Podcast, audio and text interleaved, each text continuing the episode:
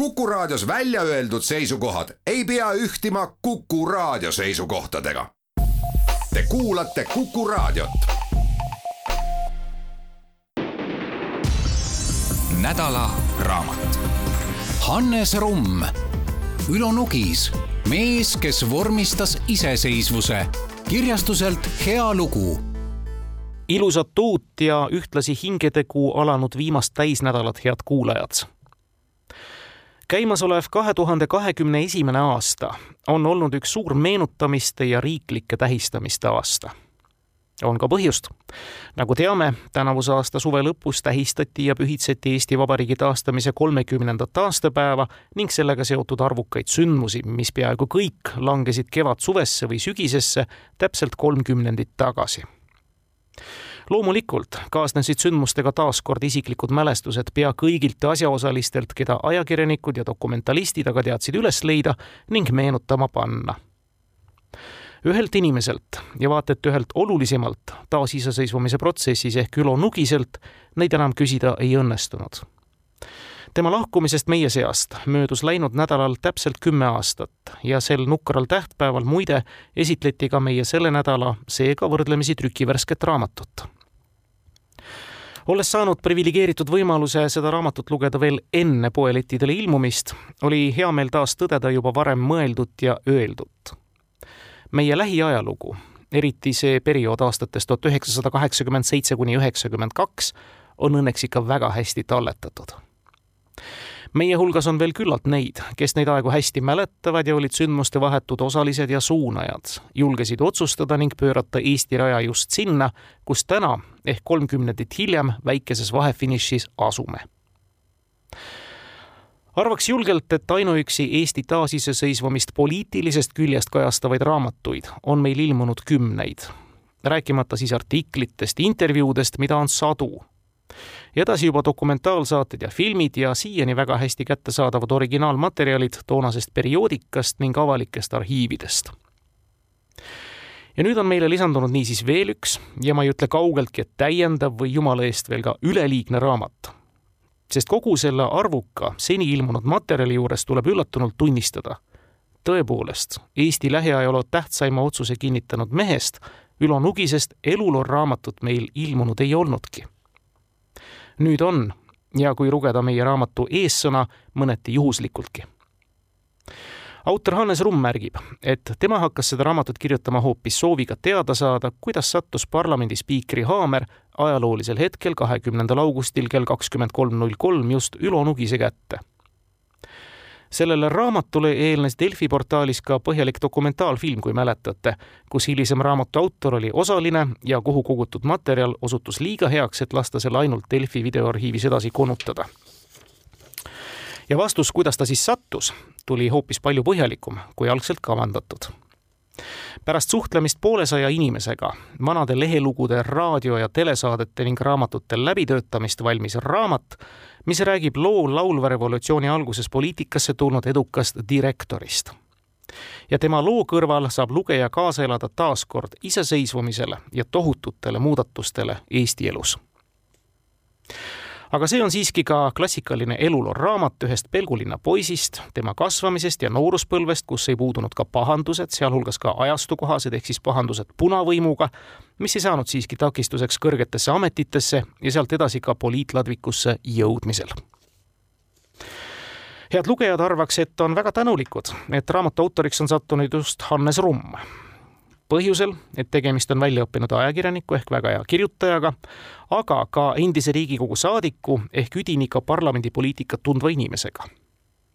Olgu siis siinkohal öeldud, et Hannese pikk karjäär kätkeb endas ka suhtekorralduses olemist, Euroopa Komisjoni Eesti esinduse juhtimist, mälumängukirge ja paljut muud, mis kindlasti, kas või alateadlikult, on heale kirjutamisoskusele palju juurde andnud meie raamat, ehkki üle kolmesaja kolmekümne lehekülje paks, on siiski väga ladusalt kulgev lugemine. ja üks hea omadus on tal veel. eluloo raamatutel, nagu Rumm isegi märgib, on omadus kujutada portreteeritavat ette ilusamana ja õilsamana, kui ta seda tegelikult elus oli. Nugise raamat seda ilmselt ei ole. ütlen ilmselt, sest ei tundnud raamatu kangelast isiklikult aga mõned episoodid, juhtumised ja kirjeldused kas või Nugise tundub, et kohati raske iseloomu kohta lasevad aimata, et Rumm ei ole valinud selles raamatus poolt nüüd raamatu sisu juurde minnes, siis esmalt üldised eluloolised ja kuivemad entsüklopeedilised andmed. Ülo Johannese poeg Nugise kohta. eluaastad tuhat üheksasada nelikümmend neli kuni kaks tuhat üksteist. Eesti poliitik ja majandustegelane. Lõpetas seitsmeteistkümnenda keskkooli ehk tänase Pelgulinna gümnaasiumi põhikooli astme, edasi Tallinna Ehitus- ja Mehaanikatehnikumi tuhande üheksasaja kuuekümne teisel ja Valgevene Polütehnilise Instituudi masinaehituse erialal tuhande üheksasaja kuuekümne seitsmendal aastal. Töötas mitmes ettevõttes insenerina, tuhande üheksasaja seitsmekümne neljandast aastast juba direktorina, esmalt tehases ehitusdetail, edasi Dünamo suusavabrikus ja aastatel tuhat üheksasada kaheksakümmend kuus kuni üheksakümmend Estoplastis see viimane Estoplasti direktori ametikoht oli Nugise eluloos ja mõistagi ka raamatus eriti märgiline ja oluline, aga sinna jõuame.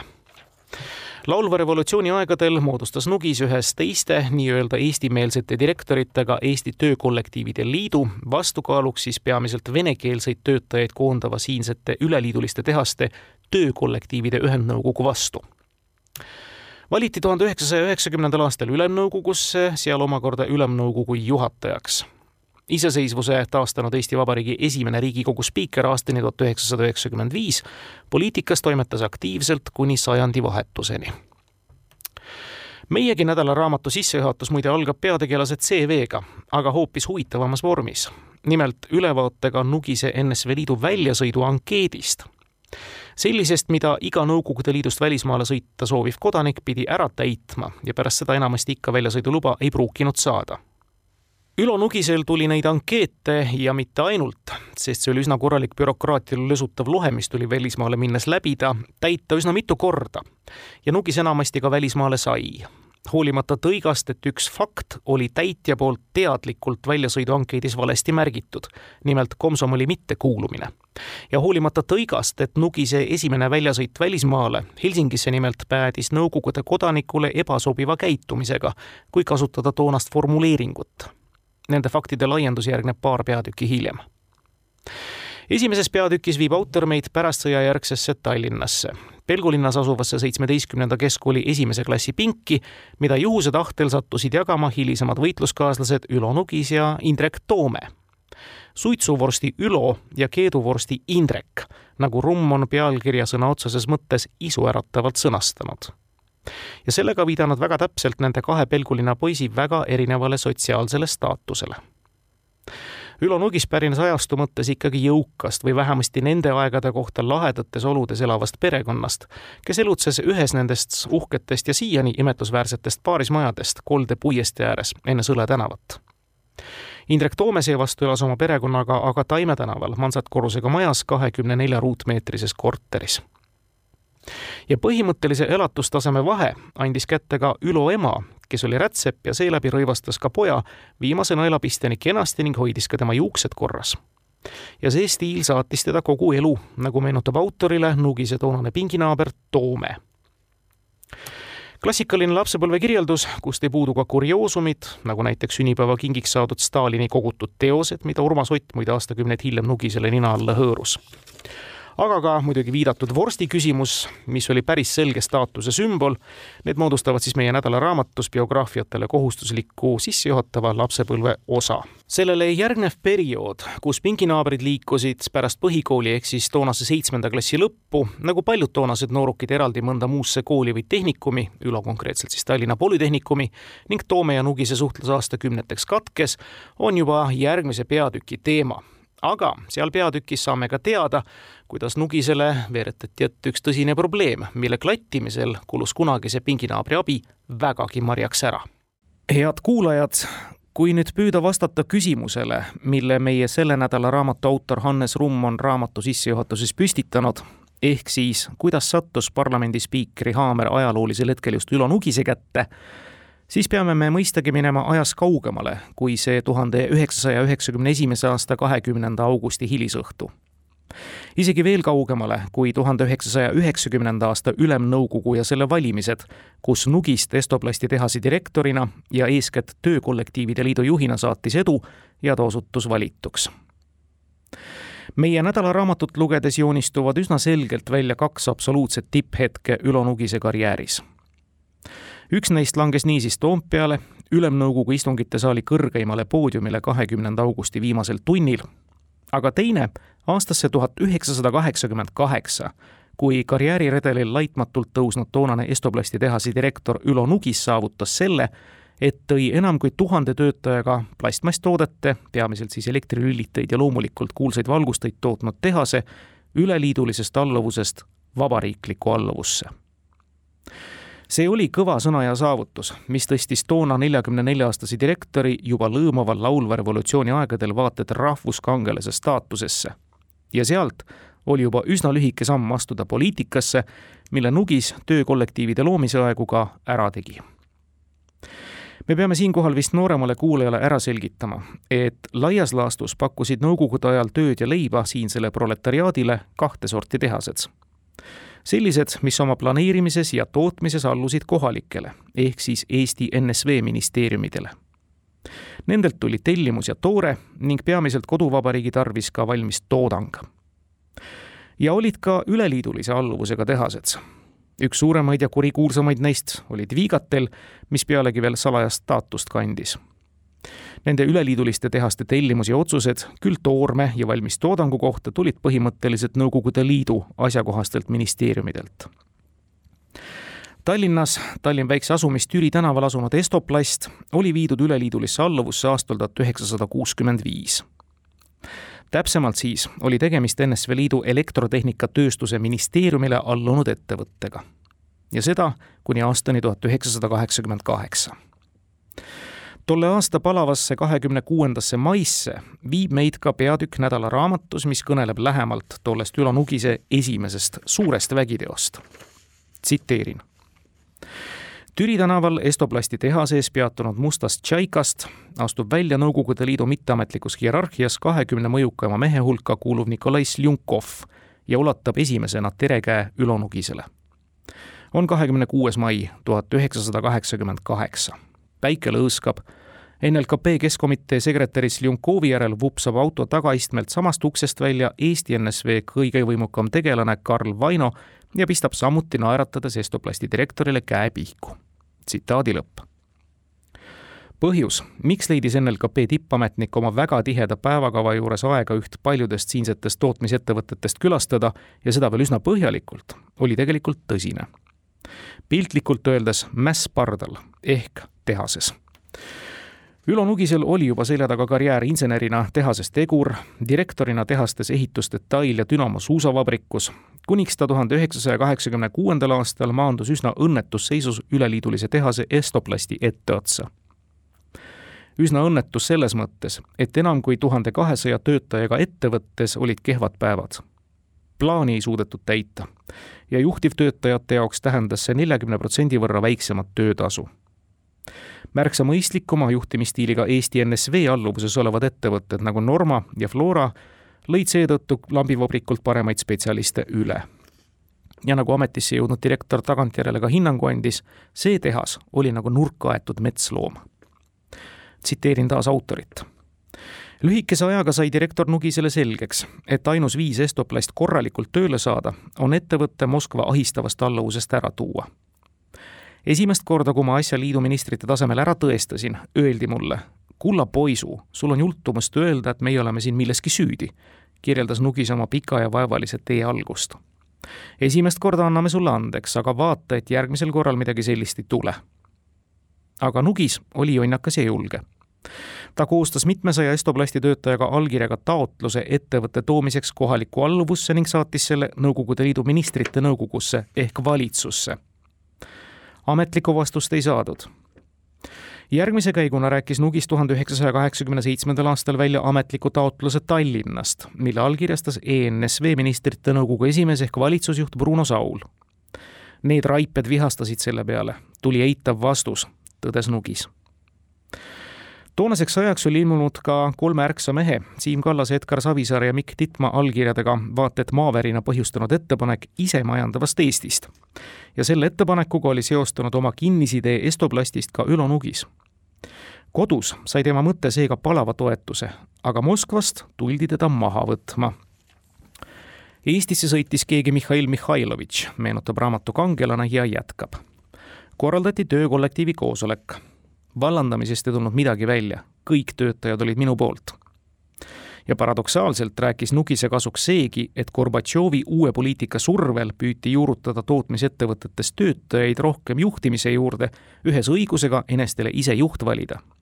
ja nõnda saavutas see mahavõtmiskatse hoopis bumerangi efekti tehase toonane tootmisdirektor Üllas Täht meenutas seda hetke autorile nõnda, et hoopis töökollektiiv sõimas suurel koosolekul Glavkat selle eest, et Moskva pole neile midagi andnud ja ainult nõuab toodangut vapper direktor Ülo Nugis saatis tuhande üheksasaja kaheksakümne kaheksanda aasta aprillis terve kollektiivi nimel ühispöördumise NLKP Keskkomitee peasekretärile ja üliriigi juhile Mihhail Gorbatšovile isiklikult.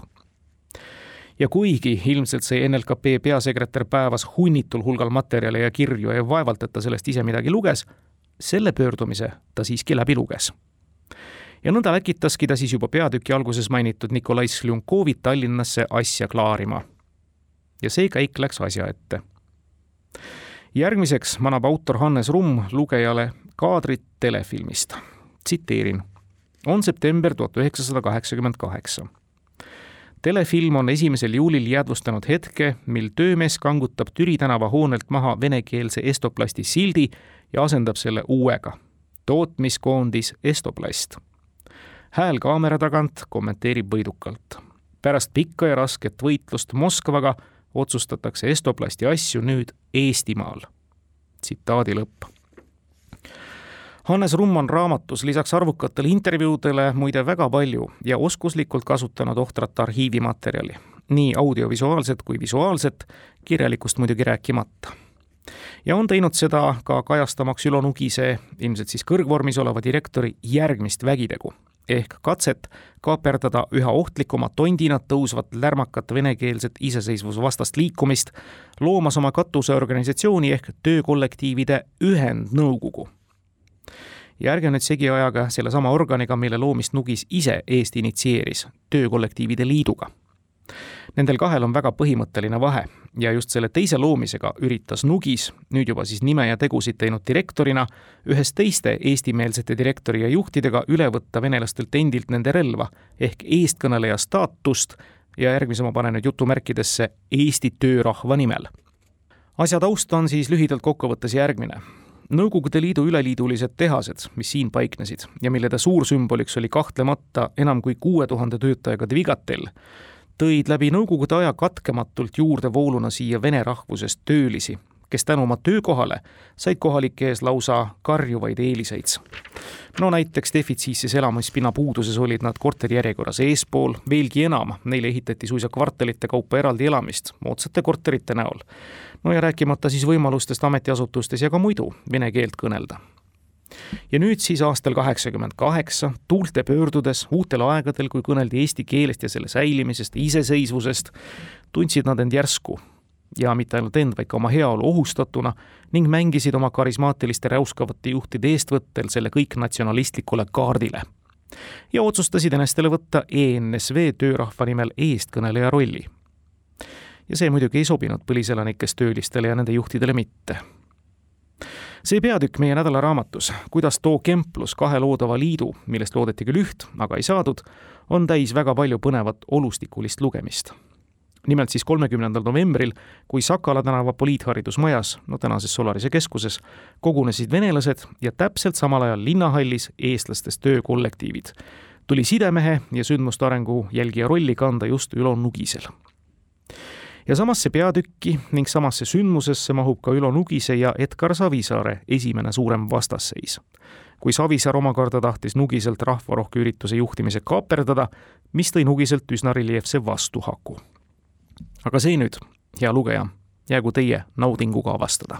head kuulajad, tõmmates korra hinge ja võttes hoogu meie nädalaraamatu kangelase karjääri tipphetkeks, mõtlesin täna peatuda Ülo Nugise elu ja isiku nendel tahkudel, mis tahame või ei taha ja pigem ikka tahame, laiemale lugejaskonnale suuremat huvi pakuvad. ehk siis kõigel olmelisel, naljakal, kollasel ja kurioosselgi, kui soovite. kõik nimetatud lähtusid mõistagi eeskätt Nugise iseloomust, mis ilmselgelt ei olnud lihtne Hannes Rumm on meie nädalaraamatus kõikidele seikadele ja detailidele Nugise elus piisavalt palju tähelepanu jaotanud, et lugeja huvi püsib läbi raamatu. seejuures on Rumm teinud seda väga maitsekalt ja üldse mitte tõsisemat lähiajaloo huvilist justkui ebaolulisega koormates. nagu öeldud, ei olnud Ülo Nugis ilmselt kerge iseloomuga inimene raamatust koorub väga hästi välja tema enesekindlus, vast siis ka kõrge enesehinnang ja rääkimata ambitsioonikusest eks kõik see hakkab pihta ju varasest lapsepõlvest ja kasvatusest, kus Nugis sai, nagu mäletate, eakaaslaste ees eelise läbi rätsepast ema elukutse, mis andis noormehele võimaluse laitmatult riides käia. ja see eelis paistis silma ka ülikoolis, kus ta kaaslaste silmis ja huulil kvalifitseerus koheselt lõnguseks ma nüüd korra peatun ja selgitan, et ilmselgelt tähendas see tuhande üheksasaja kuuekümnendatel noorte põlvkonna slängis midagi muud kui paar kümnendit hiljem või rääkimata siis tänapäevast. seda toonast uudissõna kasutas ka muide Nugis ise, täiendades ennast epiteediga pesueht lõngus toona tähistas see mõistet, millega märgiti ära väljakutsuvalt riietuvaid ja korralikest Nõukogude kodanikest eristuvaid noori. Nugis enda meenutustega taas jätkates mul olid paksu kautšuktallaga kingad, hall ruuduline pintsak ja ahvidega lips kaelas. no sellega võis riietuse kontekstis sõna otseses mõttes hallidel aegadel eristuda toonases ajas küll. nagu ka tembuga, millele päris esimeses osas viitasime, ehk siis tegeliku põhjusega, miks Ülo Nugis komsomolist ehk Nõukogude Liidu noorsookommunistlikust organisatsioonist välja visati peatumata detailidel pikemalt, aga neid detaile on raamatus palju, ühel esimese mai paraadil, millest Nugis sunniti osa võtma, sarnaselt paljudele toonastele kodanikele, püüdis ta tänase Roosikrantsi tänava nurgal asuvalt leivapoelt maha rebida Eesti NSV lippu esimesel mail. ja koheselt sattus ta selle väga ohtliku tembuga julgeolekumeeste käte vahele ja edasine oli paratamatu. ehkki lõppes veel asjaolusid arvestades suhteliselt leebelt ta kõigest, ja see nüüd on jutumärkidesse pandud, heideti välja oma koolist ehk polütehnikumist ja ka komsomolist. kooli sai Nugis õnneks vahetada ja lõpuks ka kõrgkooli sisse, aga komsomoli märke puudumine tekitas Ülole hilisemas töises karjääris peavalu, küll asjata minnes nüüd kollasemat rada pidi meie raamatus edasi, peame kindlasti ära märkima ühe toonasele ajastule väga iseloomuliku seiga Ülo Nugise elus nimelt siis tema esimese välisreisi nii-öelda läände ehk Soome. See juhtus maikuus tuhat üheksasada seitsekümmend kuus ja kulmineerus sellega, et ühes hilisemas väljasõiduankeedis on lakooniliselt märgitud.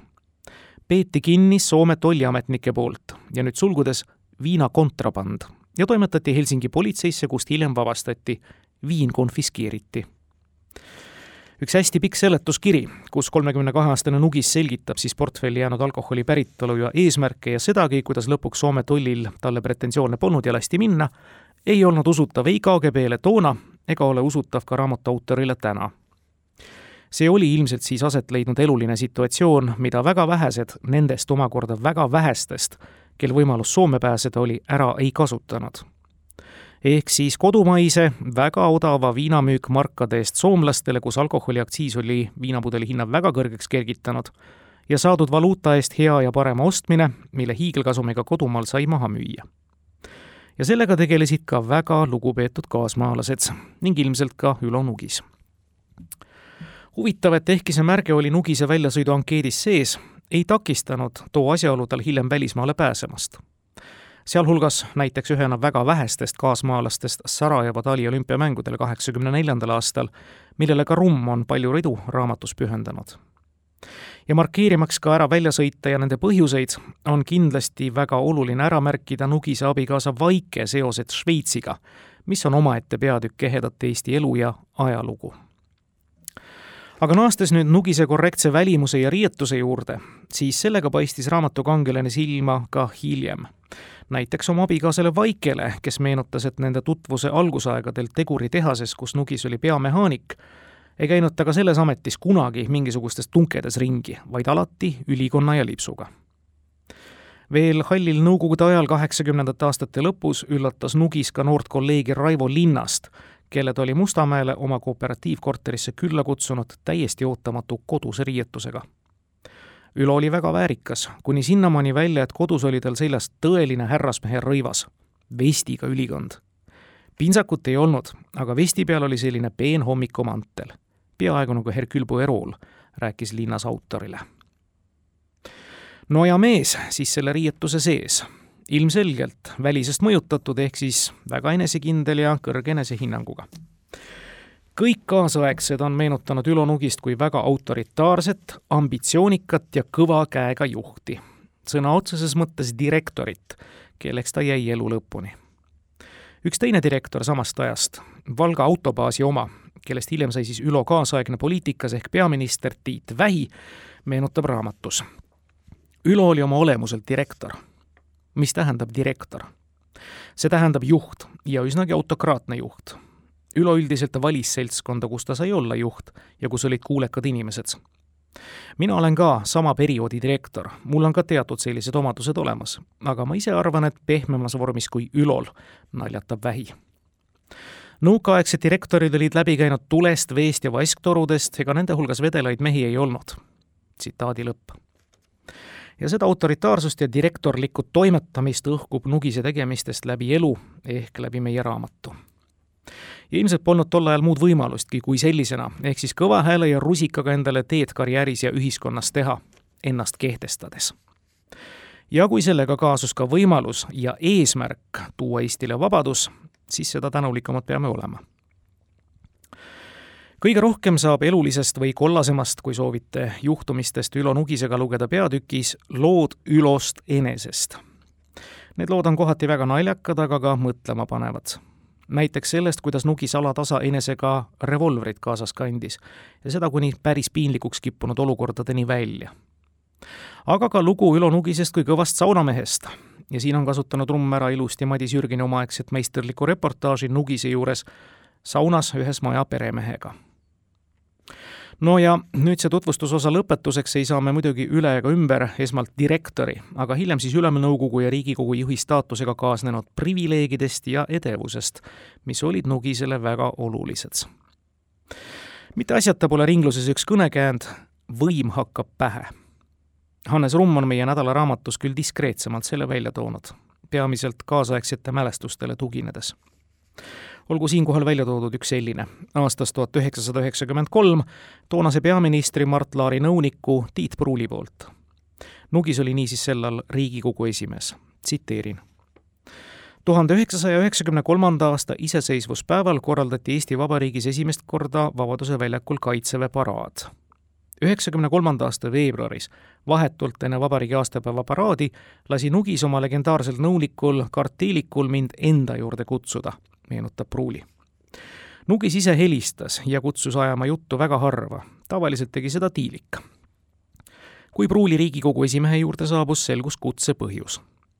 küsimus oli, millises järjekorras seisavad president, peaminister ja spiiker tribüünil, kui võetakse vastu Kaitseväe paraadi. Nugise jutt oli väga selge. mina olen positsioonil number kaks kuidas Laar ja Meri lahendavad ära selle, kes seisab esimesel, kes kolmandal positsioonil, pole minu asi kui mina ei saa seista positsioonil number kaks, siis mina sellel paraadil ei osale. Nugis osales sellel paraadil, kus positsioonil number üks seisis loomulikult president Meri. spiiker Nugis seisab fotodel tema paremal käel, mis ilmselt tähistab siis positsiooni number kaks, ja peaminister Laar vasakul käel muidugi mõista kasutas Ülo Nugis nii Ülemnõukogus kui Riigikogu esimehena ära kõiki pakutavaid hüvesid. no näiteks ta hiinestas eraldi söögisaalis, mis tõepoolest oli toona Ülemnõukogu juhatusele Toompealossi sööklas eraldi olemas. no rääkimata siis ametiautost ja ihukaitsjate kasutamisest. see viimane tundub tänasele lugejale päris veidra asjaoluna, aga toona tõesti oli julgestus ka Riigikogu esimehele ette nähtud ja mitte nugisete ei kasutanud ainult ametihüvesid mõnuga ära, vaid ka tegelikult oma tööd ja positsiooni Riigikogu saalis. ta tõesti tundis kaasteeliste sõnul mõnu Riigikogu suure saali istungite juhtimisest ega peljanud ka maratonistungitel haamrit vibutada ja kolleege ohjes hoida pikki-pikki järjestikusi tunde. ja see tuli tal hästi välja, kui meie saatusekaaslased ehk üheksakümnendate aastate alguses iseseisvunud riigid olid parlamendi sisulise töösse rakendamisega väga hädas, siis meie Riigikogul ei olnud sellega nugise käe all mitte mingeid probleeme. seda meenutatakse ja kirjutab Hannes Rumm positiivsete mälestustena. aga seda, mis järgnes üheksakümne viienda aasta valimiste järel, ehk kuidas see ilu ja hiilgus Nugise jaoks otsa sai, juba üsna nukrate meenutustena. iseäranis seda osa, kui Ülo Nugis veel millelegi lootes üritas lootusetust seisust oma ametit jätkata spiikrina, aga leidis siis end hoopis väga sõltumatu ehk siis mõttetu mehena parlamendi nurgast. aga see on hoopis teine lugu homme, head kuulajad, peatume niisiis nendel hiilgavatel hetkedel Nugise karjääris üheksakümnendal ja iseäranis üheksakümne esimesel aastal, nõnda nagu neid kirjeldab Hannes Rumm. head kuulajad, seekordset lõiku meie nädalaraamatut tutvustuses tahaks alustada tsitaadist. ehk siis Kalle Muuli meenutustest nädalaraamatu autorile Hannes Rummule. Mina mäletan seda, kui Marju Lauristin ilmus nutetud silmadega Ülemnõukogu ette. kõik ahetasid, Lauristin nutab mul on nendest valimistest silme ees just see seik, et Lauristin oli nutetud silmadega, mitte nugis. tsitaadi lõpp. see oli kahekümne üheksas märts aastal tuhat üheksasada üheksakümmend ja sündmuskoht Toompea loss. ja teine meenutus samast ajast ja kohast, Rein Veidemannilt. Mul on see elavalt silme ees, me oleme seal ukse taga ja kui Marju sealt välja tuli, siis ütles, et ta lahkub poliitikast, ta läheb minema ja tema pisarad voolasid Need kaasaegsetele lausa uskumatud pildid avanesid asjaomastele niisiis toonase nimega Eesti NSV kaheteistkümnenda Ülemnõukogu esimeselt istungilt.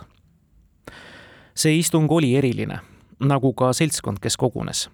Tegemist oli üle viiekümne aasta esimest korda päriselt ka vabadel demokraatlikel valimistel mandaadi saanud Eesti rahvasaadikutega, kes pärast kaheksateistkümnendal märtsil toimunud valimisi saja viiekesi kokku said, et esmalt endale juhid valida raamatukangelane Ülo Nugis teiste seas.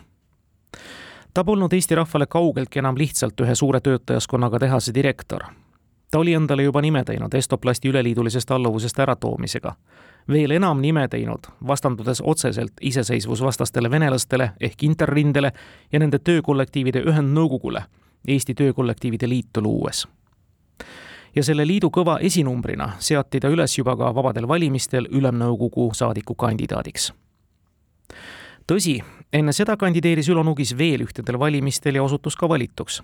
aasta varem, tuhande üheksasaja kaheksakümne üheksanda aasta märtsis toimusid valimised hiiglasliku Gorbatšovi juurutatud uue Nõukogude Liidu põhiseaduse järgi kõrgeimasse riigivõimu organisse ehk Rahvasaadikute Kongressi sinna valiti üle liidu kokku kaks tuhat kakssada viiskümmend saadikut, neist nelikümmend kaheksa tulid Eesti NSV-st Nugis ühena nendest ja tegelikult ühena edukaimana nendest, kel avanes sisuliselt võimalus ka alaliselt koos käivasse ülemnõukogusse määratud saada.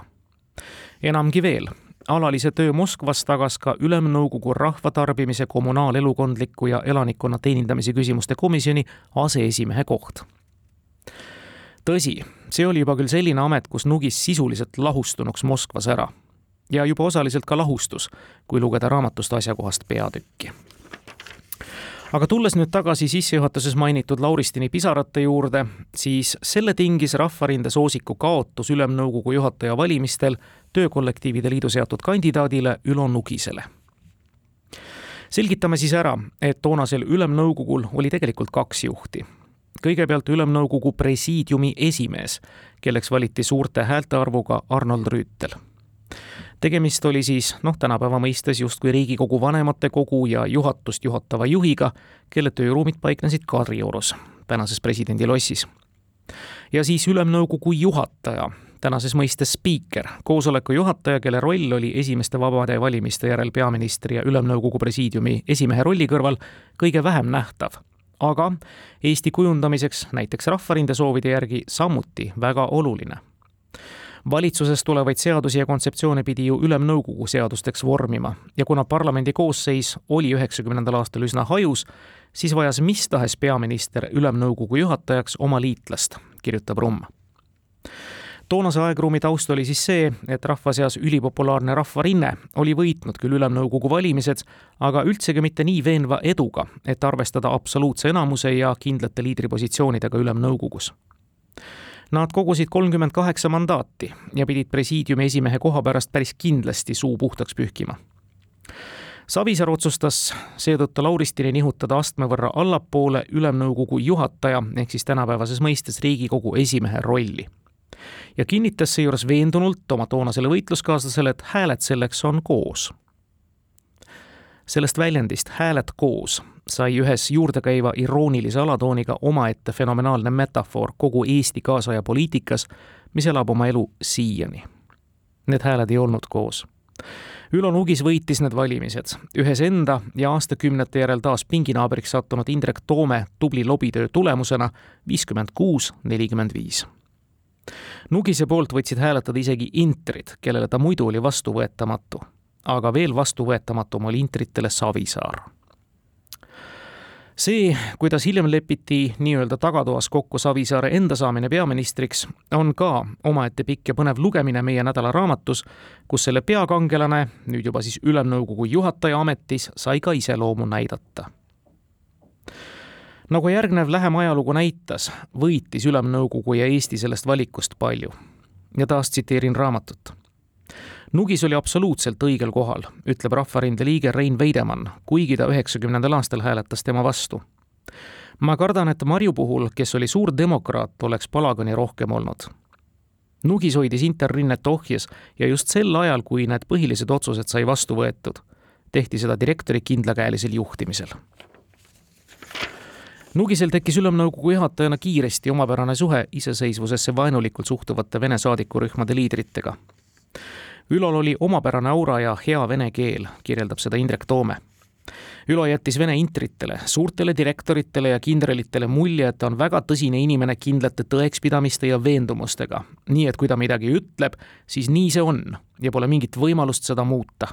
tsitaadi lõpp see kõik kaasaegselt ja kirjeldatu realiseerus aasta ja viis kuud hiljem, kahekümnendal augustil tuhat üheksasada üheksakümmend üks tõsi, nende kahe sündmuse, Lauristini pisarate ja iseseisvuse taastamise väljakuulutamise vahele jagus ka väga palju sündmusi, kus Nugis olulise figuurina kohal oli näiteks viieteistkümnenda mai tuhat üheksasada üheksakümmend rünnak Toompea lossile intrite poolt või kas või üle suurte kivide ja kändude kulgenud kõnelused Nõukogude Liidu ja Eesti Vabariigi vahel viimase liidust lahkumisest.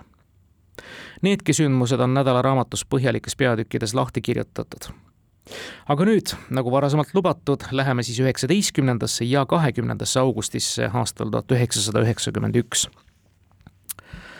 Pean nüüdse lugejana tunnistama, et lisaks palju kõneldud ja näidatud haamrilöögile kell kakskümmend kolm null kolm ja sõnadele otsus vastu võetud ja ka nüüdseks väga hästi teada faktile sellest, kuidas kolm vaprat naist Rahvusliku Eesti Komitee ja Rahvarinde erinevad nägevused iseseisvusest ajalooliseks aktiks vormistasid, oli sama imponeeriv lugeda, kuidas Ülo Nugis nendel õhtutel parlamendisaalis ennast kehtestas. Arvaks nüüd, lugedes, et see mängis tegelikult sama olulist rolli kui juba nimetatud tegevused.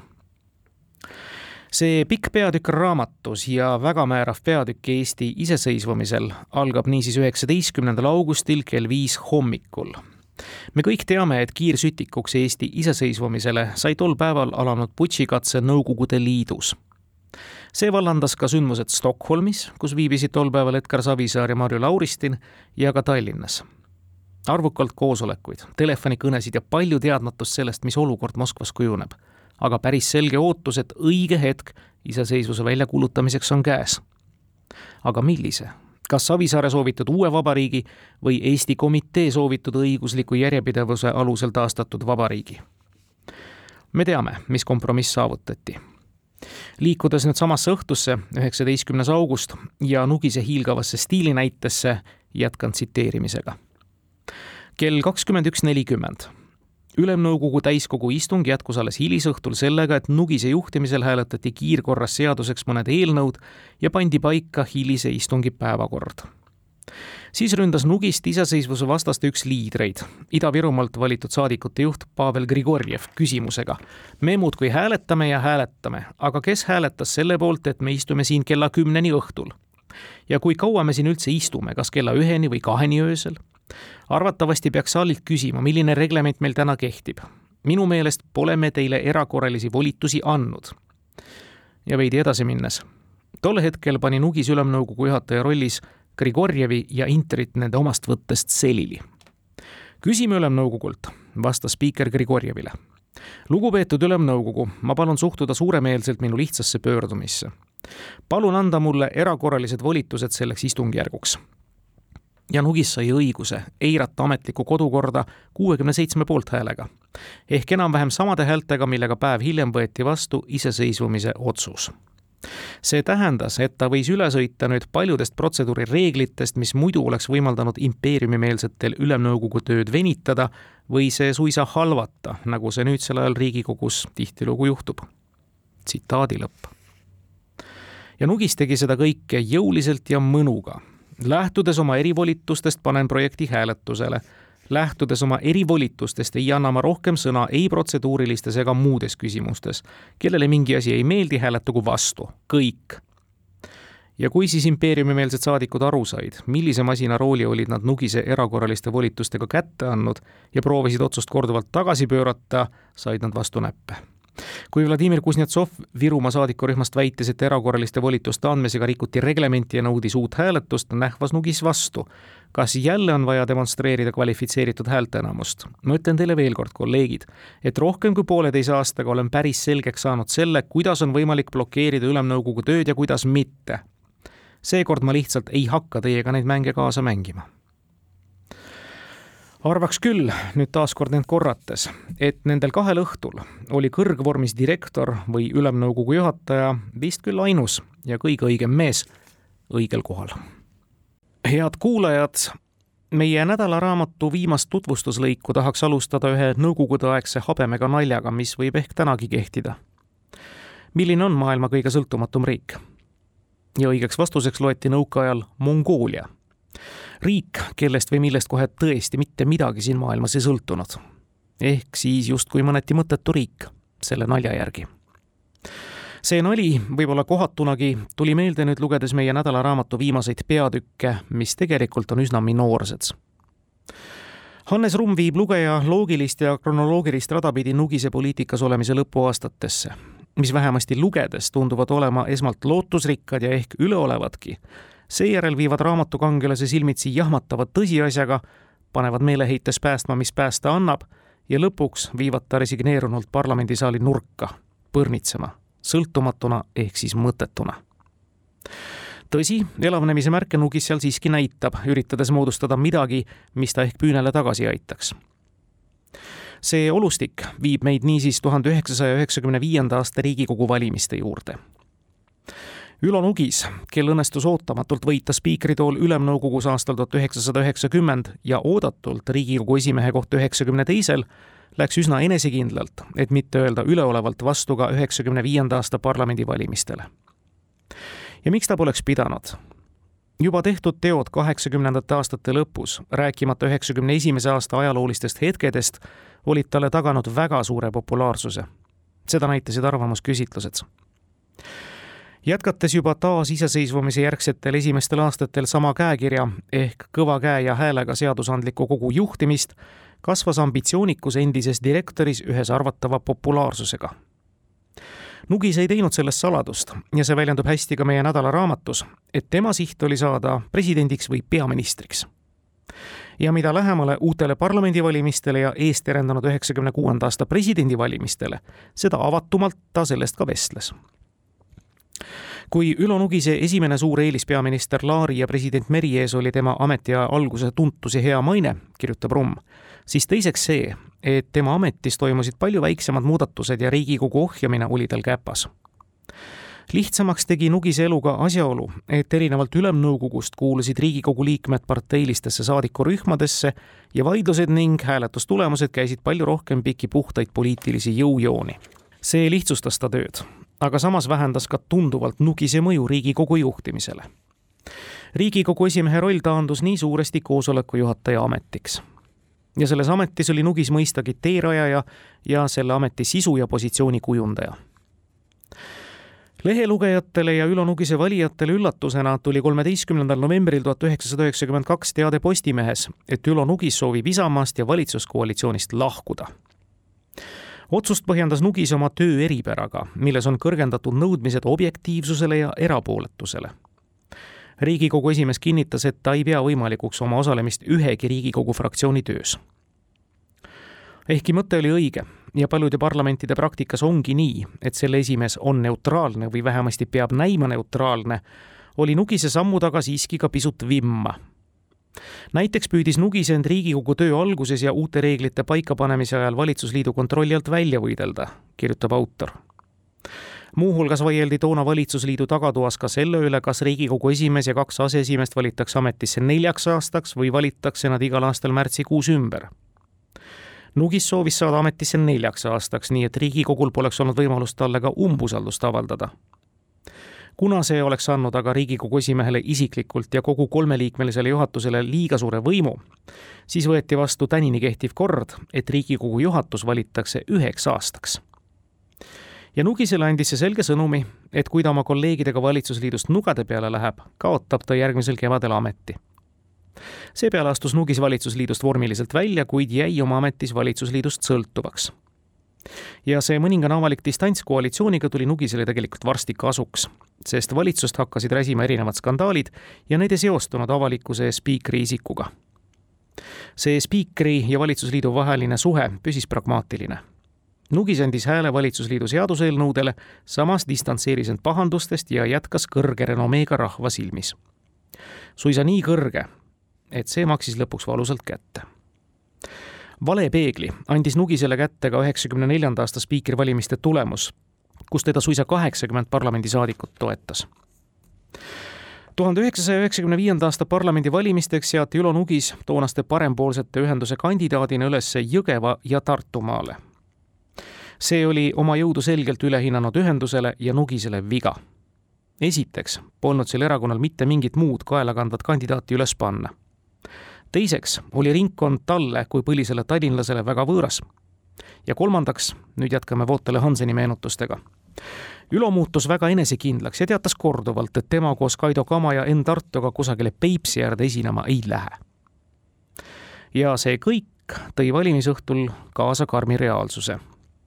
Nugis kogus oma valimisringkonnas kaks tuhat üheksasada nelikümmend häält samas kehva mainega parempoolsete nimekirjas kandideerinud ja Tarandi jõulurahu valitsuses siseministrina suurepärase isikliku mainekampaania teinud Kaido Kama kogus Võru, Valga ja Põlvamaal kaheksa tuhat kakssada kakskümmend viis häält ja teenis isikumandaadi.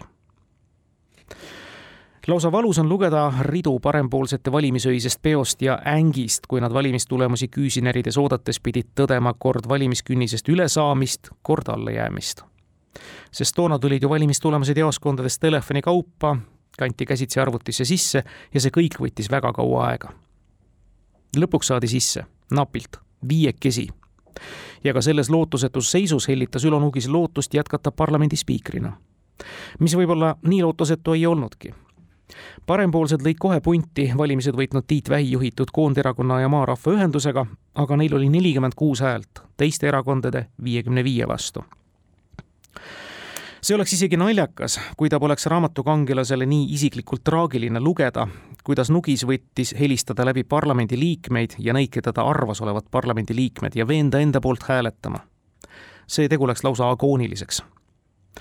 Nugis tuli minu juurde ja küsis, kas Reformierakond ikka kuidagi ei saaks teda Riigikogu esimehe valimistel toetada, meenutab Reformierakonna toonane esimees Siim Kallas tegin talle selgeks, et ainult viie häälega fraktsiooni liige ei saa Riigikogu esimehe kohta mitte kuidagi endale. Ülo peaaegu nuttis. riigikogu esimehena jätkamine oli talle tõesti väga tähtis.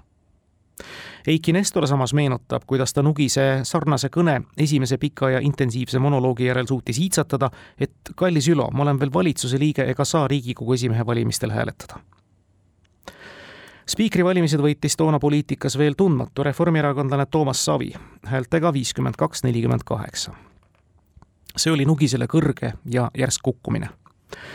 ühe ajastu lõpp mitte ainult talle, vaid kogu meie lähiajaloole viis aastat järjest Eesti Vabariigi parlamenti juhatanud Ülo Nugis kolis koos veel nelja parempoolsega saali tagumisse nurka, kus pärast KMÜ ja Keskerakonna valitsuse moodustamist ei sõltunud neist enam mitte midagi Nugis hakkas lausa suhtlemist kolleegidega vältima. tõsi, aeg-ajalt siiski elavnedes tuhande üheksasaja üheksakümne kuuendal aastal vahetas Nugis parteid, astudes Tiit Vähi juhitavasse Koonderakonda. ta pürgis seal esimehekski ja nagu lugeda võib, intriigitsedes. aga see kõik tõi kaasa tema enda peatse lahkumise, õigemini väljaviskamise parteist. Ülo Nugist jagus veel Riigikokku seadusandjaks järgmisekski koosseisuks, aga see oli ka kõik kahe tuhande teisel aastal käis ta veel siiralt valimisseaduse tundja Alo Heinsalu juures uurimas, kas tal on mõtet uuesti kandideerida.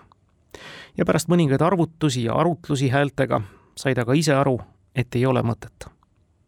legendaarse poliitiku parlamentaarne karjäär sai otsa kahe tuhande kolmanda aasta kevadel. head kuulajad, siinkohal seame ka meie oma nädalaraamatu tutvustusele punkti, ehkki raamat ise loomulikult kahe tuhande kolmanda aastaga ei lõppe see saab Nugise elu käsitlevas osas otsa kahe tuhande üheteistkümnenda aasta novembris, kui Ülo Nugis pärast rasket haigust siit ilmast lahkus. ja päris otsa saab ta peatükiga Õige mees õigel ajal õiges kohas, kus autor Hannes Rumm kasutab peakangelase elu tähthetki taas meenutades metafoorina palju jalgpalli muidugi jäi nüüd üsna palju ja ka olulist, enam kui kolmesaja viiekümne leheküljelisest raamatust teile nädala jooksul rääkimata, no näiteks üks põhjalik peatükk Ülo Nugise lähimast kaasteelisest tema poliitikukarjääris, legendaarsest nõunikust Karl Tiilikust. Aga eks see oli nüüd ka kerge taotlus, huvilisi suunata lähimasse raamatupoodi, kus Nugisel viimastel müügiandmetel läheb raamatuna hästi. ja kui te nüüd selle lugemiseks ette võtate, head kuulajad, võtke kindlasti mõtiskleda ka nädalaraamatu päris viimase lõigu üle see lõpeb sõnadega. ja otsustasin, et ei kirjuta. nädala raamat. Hannes Rumm, Ülo Nugis, mees, kes vormistas iseseisvuse kirjastuselt Hea lugu